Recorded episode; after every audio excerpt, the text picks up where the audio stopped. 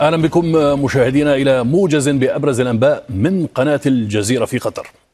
مدد مجلس الأمن الدولي ولاية بعثة اليونيفيل في لبنان عاما واحدا ويؤكد القرار أن قوات اليونيفيل لا تحتاج إلى تصريح أو إذن مسبق للقيام بالمهام المنوطة بها مع مواصلة التنسيق مع الحكومة اللبنانية.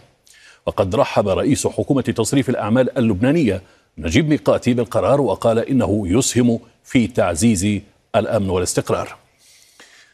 من جهته قال مستشار الرئيس الأمريكي أموس هوكستاين إنه بصدد تقييم إمكانية بحث إطار لترسيم الحدود البرية بين لبنان وإسرائيل بعد البدء بتطبيق اتفاق لترسيم الحدود البحرية بين البلدين. قتل جندي إسرائيلي وأصيب ثلاثة في عملية دهس غرب حاجز عسكري جنوب غرب رام الله في الضفة الغربية.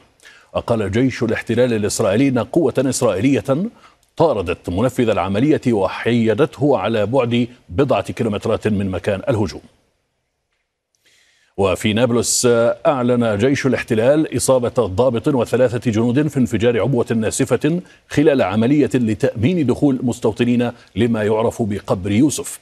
وتبنت كتيبة نابلس التابعة لسرايا القدس الذراع المسلحة لحركة الجهاد الإسلامي تنفيذ الكمين. في المقابل قال الهلال الأحمر الفلسطيني أن 94 فلسطينيا أصيبوا خلال مواجهات مع قوات الاحتلال التي اقتحمت المنطقة الشرقية في مدينة نابلس. أفاد مصدر في الجيش السوداني للجزيرة بأن قوات الدعم السريع تستخدم الطائرات المسيرة في الهجوم على مقر قيادة الجيش ومستشفى الشرطة في مدينة نيالا في ولاية جنوب دارفور. وقال المصدر العسكري إن المعارك ما زالت مستمرة بين الجيش السوداني وقوات الدعم السريع في نيالا وأشار إلى أن الجيش رد باستخدام قذائف المدفعيه في استهداف مواقع الدعم السريع. حث الأمين العام للأمم المتحدة أنطونيو غوتيريش الأطراف السودانية على العودة إلى محادثات جدة بحسن نية للتوصل إلى اتفاق شامل لوقف إطلاق النار وأبدى في تقريره الدوري بشأن الأوضاع في السودان استعدادا لمناقشة تدابير لتعزيز التنسيق ودعم السلام والاستقرار في السودان. غوتيريش أبدى خشية من تزايد التعبئة العرقية التي يمكن أن تؤدي إلى حرب أهلية مدمرة على السودان والمنطقة.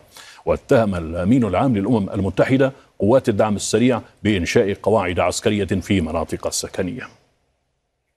دعا تحالف المعارضة في الجابون المجلس العسكري إلى مواصلة العملية الانتخابية وإتمام إحصاء الأصوات في المقابل طالب التحالف المعارضة بالاعتراف بفوز مرشحه وبعد تنصيب قادة الانقلاب رئيسا للمرحلة الانتقالية علق مجلس السلم والأمن الإفريقي فوريا مشاركة أو مشاركة حتى استعادة النظام الدستوري وفوض المجلس أفريقيا الوسطى بقيادة دور الوساطة. في غضون ذلك حمل مسؤول السياسة الخارجية في الاتحاد الأوروبي جوزيف بوريل الرئيس المحتجز بونغو مسؤولية تدهور الوضع بسبب إدارته للانتخابات.